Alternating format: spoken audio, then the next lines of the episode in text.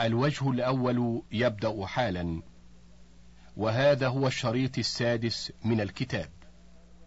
وقد كرر الله سبحانه تحدي الكفار بهذا في مواضع في القرآن. منها هذا ومنها قوله تعالى في سورة القصص قل فأتوا بكتاب من عند الله هو أهدى منهما أتبعه إن كنتم صادقين. وقال في سورة سبحان قل لئن اجتمعت الإنس والجن على أن يأتوا بمثل هذا القرآن لا يأتون بمثله ولو كان بعضهم لبعض ظهيرا. وقال في سورة هود أم يقولون افتراه؟ قل فأتوا بعشر سور مثله مفتريات وادعوا من استطعتم من دون الله إن كنتم صادقين. وقال في سورة يونس وما كان هذا القرآن أن يفترى من دون الله ولكن تصديق الذي بين يديه وتفصيل الكتاب لا ريب فيه من رب العالمين. أم يقولون افتراه؟ قل فأتوا بسورة مثله وادعوا من استطعتم من دون الله إن كنتم صادقين. وقد وقع الخلاف بين أهل العلم هل وجه الإعجاز في القرآن هو كونه في الرتبة العلية من البلاغة الخارجة عن طوق البشر؟ أو كان العجز عن المعارضة للصرفة من الله سبحانه لهم عن أن يعارضوا؟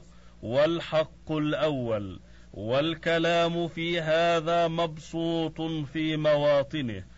وقد أخرج أحمد والبخاري ومسلم والنسائي والبيهقي في الدلائل عن أبي هريرة قال قال رسول الله صلى الله عليه وآله وسلم ما من نبي من الأنبياء إلا أعطي ما مثله آمن عليه البشر وانما كان الذي اوتيته وحيا اوحاه الله الي فارجو ان اكون اكثرهم تابعا يوم القيامه وقد اخرج ابن ابي حاتم عن الحسن في قوله وان كنتم في ريب قال هذا قول الله لمن شك من الكفار فيما جاء به محمد صلى الله عليه وآله وسلم. وأخرج عبد الرزاق وعبد بن حميد وابن جرير وابن أبي حاتم عن قتادة في قوله وإن كنتم في ريب قال في شك مما نزلنا على عبدنا فأتوا بسورة من مثله قال من مثل القرآن حقا وصدقا لا باطل فيه ولا كذب. وأخرج ابن جرير وابن أبي حاتم عن مجاهد فأتوا بسورة من مثله قال مثل القرآن.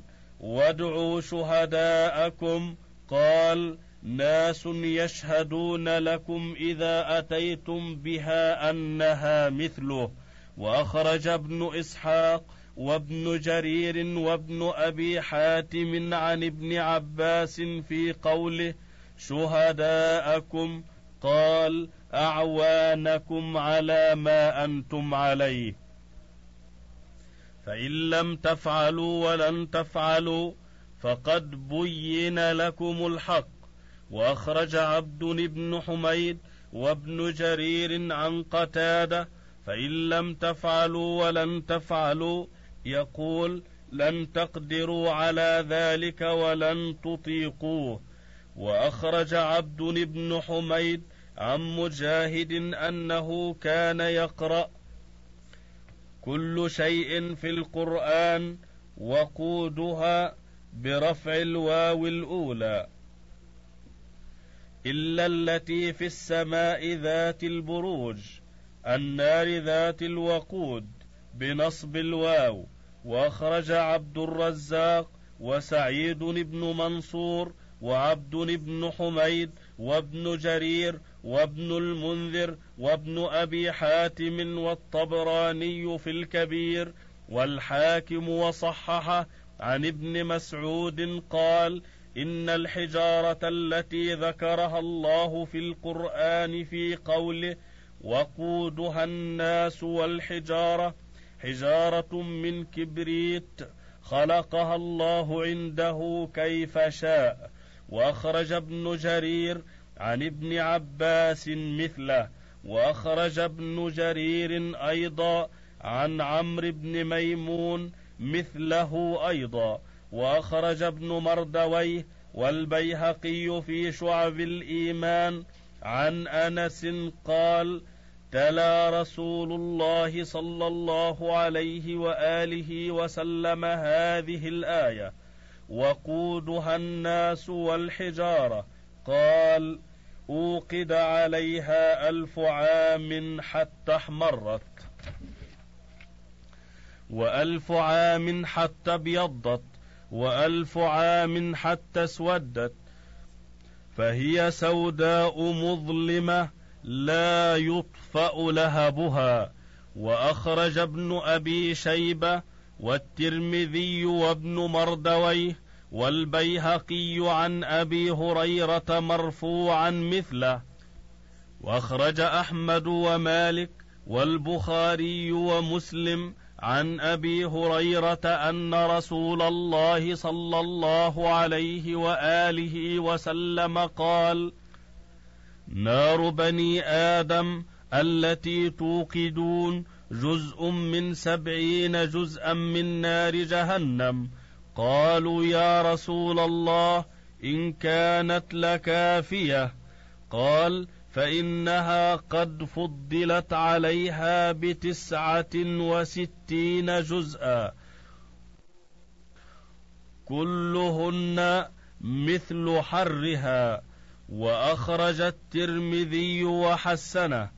عن أبي سعيد مرفوعا نحوه وأخرج ابن ماجه والحاكم وصححه عن أنس مرفوعا نحوه أيضا. وأخرج مالك في الموطأ والبيهقي في البعث. عن أبي هريرة قال أترونها حمراء مثل ناركم هذه التي توقدون؟ إنها لأشد سوادا من القار. وأخرج ابن إسحاق وابن جرير وابن أبي حاتم عن ابن عباس في قوله اعدت للكافرين. قال أي لمن كان مثل ما أنتم عليه من الكفر. وبشر الذين آمنوا وعملوا الصالحات أن لهم جنات تجري من تحتها الأنهار كلما رزقوا منها من ثمرة رزقا قالوا هذا الذي رزقنا من قبل وأتوا به متشابها ولهم فيها أزواج مطهرة وهم فيها خالدون لما ذكر تعالى جزاء الكافرين عقبه بجزاء المؤمنين ليجمع بين الترغيب والترهيب والوعد والوعيد كما هي عادته سبحانه في كتابه العزيز. لما في ذلك من تنشيط عباده المؤمنين لطاعاته وتثبيط عباده الكافرين عن معاصيه. والتبشير الإخبار بما يظهر أثره على البشرة وهي الجلدة الظاهرة من البشر والسرور. قال القرطبي أجمع العلماء على أن المكلف إذا قال من بشرني من عبيدي فهو حر فبشره واحد من عبيده فأكثر فإن أولهم يكون حرا دون الثاني. واختلفوا إذا قال من أخبرني من عبيدي بكذا فهو حر. فقال أصحاب الشافعي يعم لأن كل واحد منهم مخبر. وقال علماؤنا لا لأن المكلف إنما قصد خبرا يكون بشارة. وذلك مختص بالأول انتهى والحق أنه إن أراد مدلول الخبر عتقوا جميعا وإن أراد الخبر المقيد بكونه بشارة عتق الأول فالخلاف لفظي والمأمور بالتبشير قيل هو النبي صلى الله عليه وآله وسلم وقيل هو كل أحد كما في قوله صلى الله عليه وآله وسلم بشر المشائين وهذه الجمل وإن كانت مصدرة بالإنشاء فلا يقدح ذلك في عطفها على ما قبلها لأن المراد عطف جملة وصف ثواب المطيعين على جملة وصف عقاب العاصين من دون نظر إلى ما, إلى ما اشتمل عليه الوصفان من الأفراد المتخالفة خبرا وإنشاء. وقيل إن قوله وبشر معطوف على قوله فاتقوا النار وليس هذا بجيد. والصالحات الأعمال المستقيمة والمراد هنا الأعمال المطلوبة منهم المفترضة عليهم وفيه رد على من يقول إن الإيمان بمجرده يكفي.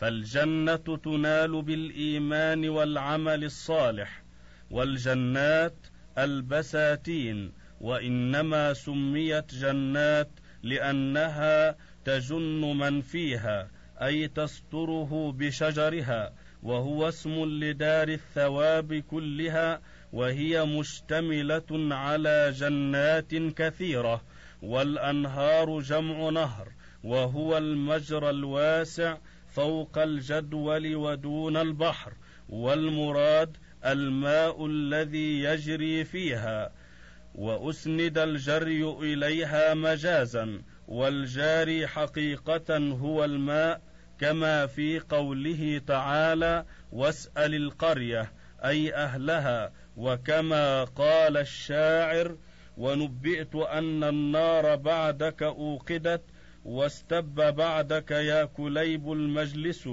والضمير في قوله من تحتها عائد إلى الجنات لاشتمالها على الأشجار أي من تحت أشجارها وقوله كلما رزقوا وصف آخر للجنات أو هو جملة مستأنفة كأن سائلا قال كيف ثمارها؟ ومن ثمرة في معنى من أي ثمرة أي نوع من أنواع الثمرات والمراد بقوله هذا الذي رزقنا من قبل أنه شبيهه ونظيره لا أنه هو لأن ذات الحاضر لا تكون عين ذات الغائب لاختلافهما وذلك أن اللون يشبه اللون وإن كان الحجم والطعم والرائحة والماوية متخالفة. والضمير في به عائد إلى الرزق. وقيل المراد أنهم أتوا بما يرزقونه في الجنة متشابها فما يأتيهم في أول النهار يشابه الذي يأتيهم في آخره فيقولون هذا الذي رزقنا من قبل فإذا أكلوا وجدوا له طعما غير طعم الأول ومتشابها منصوب على الحال والمراد بتطهير الأزواج أنه لا يصيبهن ما يصيب النساء من قذر الحيض والنفاس وسائر الأدناس التي لا يمتنع تعلقها بنساء الدنيا والخلود البقاء الدائم الذي لا ينقطع وقد يستعمل مجازا فيما يطول والمراد هنا الأول. وقد أخرج ابن ماجه وابن أبي الدنيا في صفة الجنة والبزار وابن أبي حاتم وابن حبان والبيهقي وابن مردويه عن أسامة بن زيد قال قال رسول الله صلى الله عليه وآله وسلم ألا هل مشمر للجنة؟ فإن الجنة لا خطر لها هي ورب الكعبة نور يتلألأ وريحانة تهتز وقصر مشيد ونهر مضطرد وثمرة نضيجة وزوجة حسناء جميلة وحلل كثيره ومقام في أبد في دار سليمه وفاكهة خضراء. الحديث والأحاديث في وصف الجنة كثيرة جدا ثابتة في الصحيحين وغيرهما وأخرج ابن أبي حاتم وابن حبان والطبراني والحاكم وابن مردويه والبيهقي في البعث عن أبي هريرة قال قال رسول الله صلى الله عليه وآله وسلم أنهار الجنة تفجر من تحت جبال مسك. وأخرج ابن أبي شيبة وأبو حاتم وأبو الشيخ وابن حبان والبيهقي في البعث وصححه عن ابن مسعود نحوه موقوفا.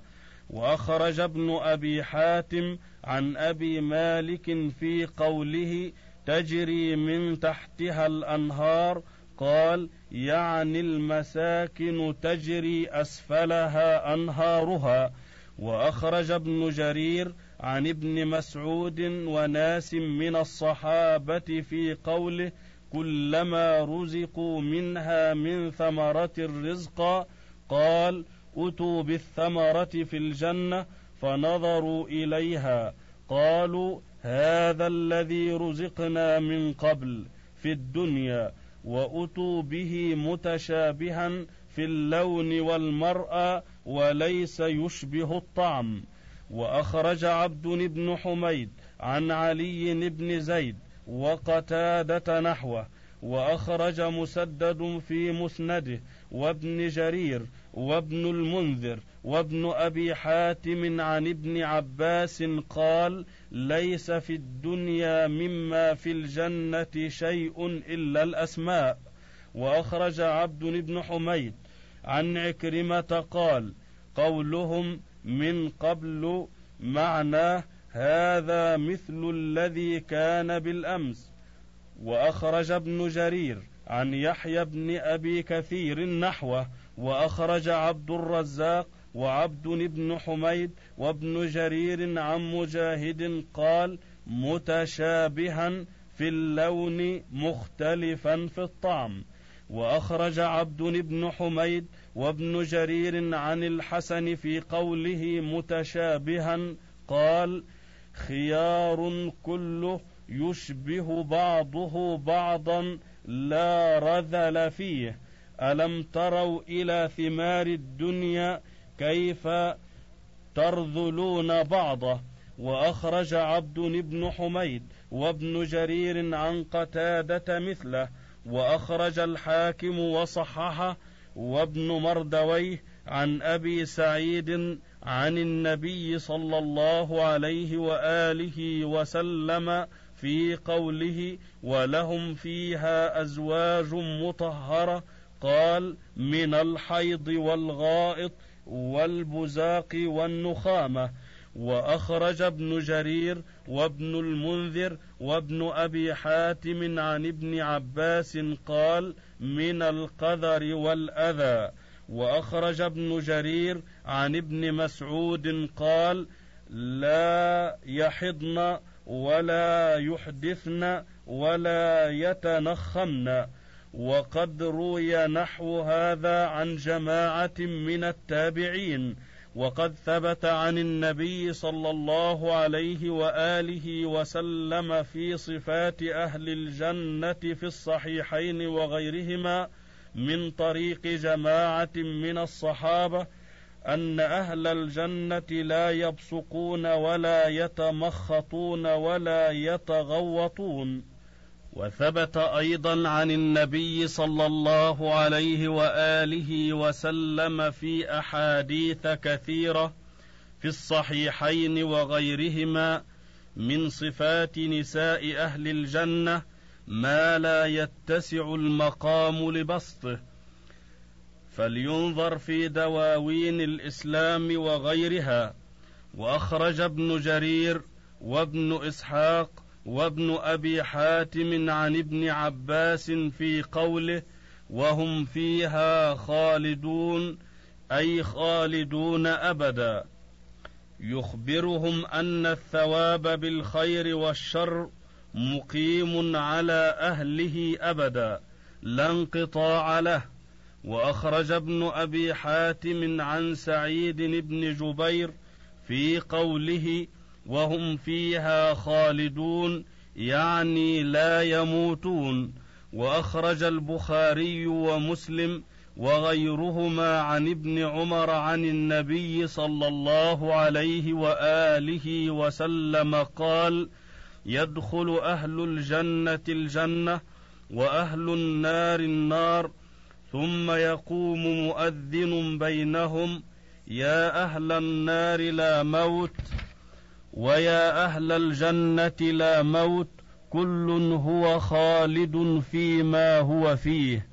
وأخرج البخاري من حديث أبي هريرة نحوه وأخرج الطبراني والحاكم وصححه من حديث معاذ نحوه وأخرج الطبراني وابن مردويه وأبو نعيم من حديث ابن مسعود قال قال رسول الله صلى الله عليه وآله وسلم لو قيل لأهل النار إنكم ماكثون في النار عدد كل حصاة في الدنيا لفرحوا بها ولو قيل لأهل الجنة إنكم ماكثون عدد كل حصاة لحزنوا ولكن جعل لهم الأبد.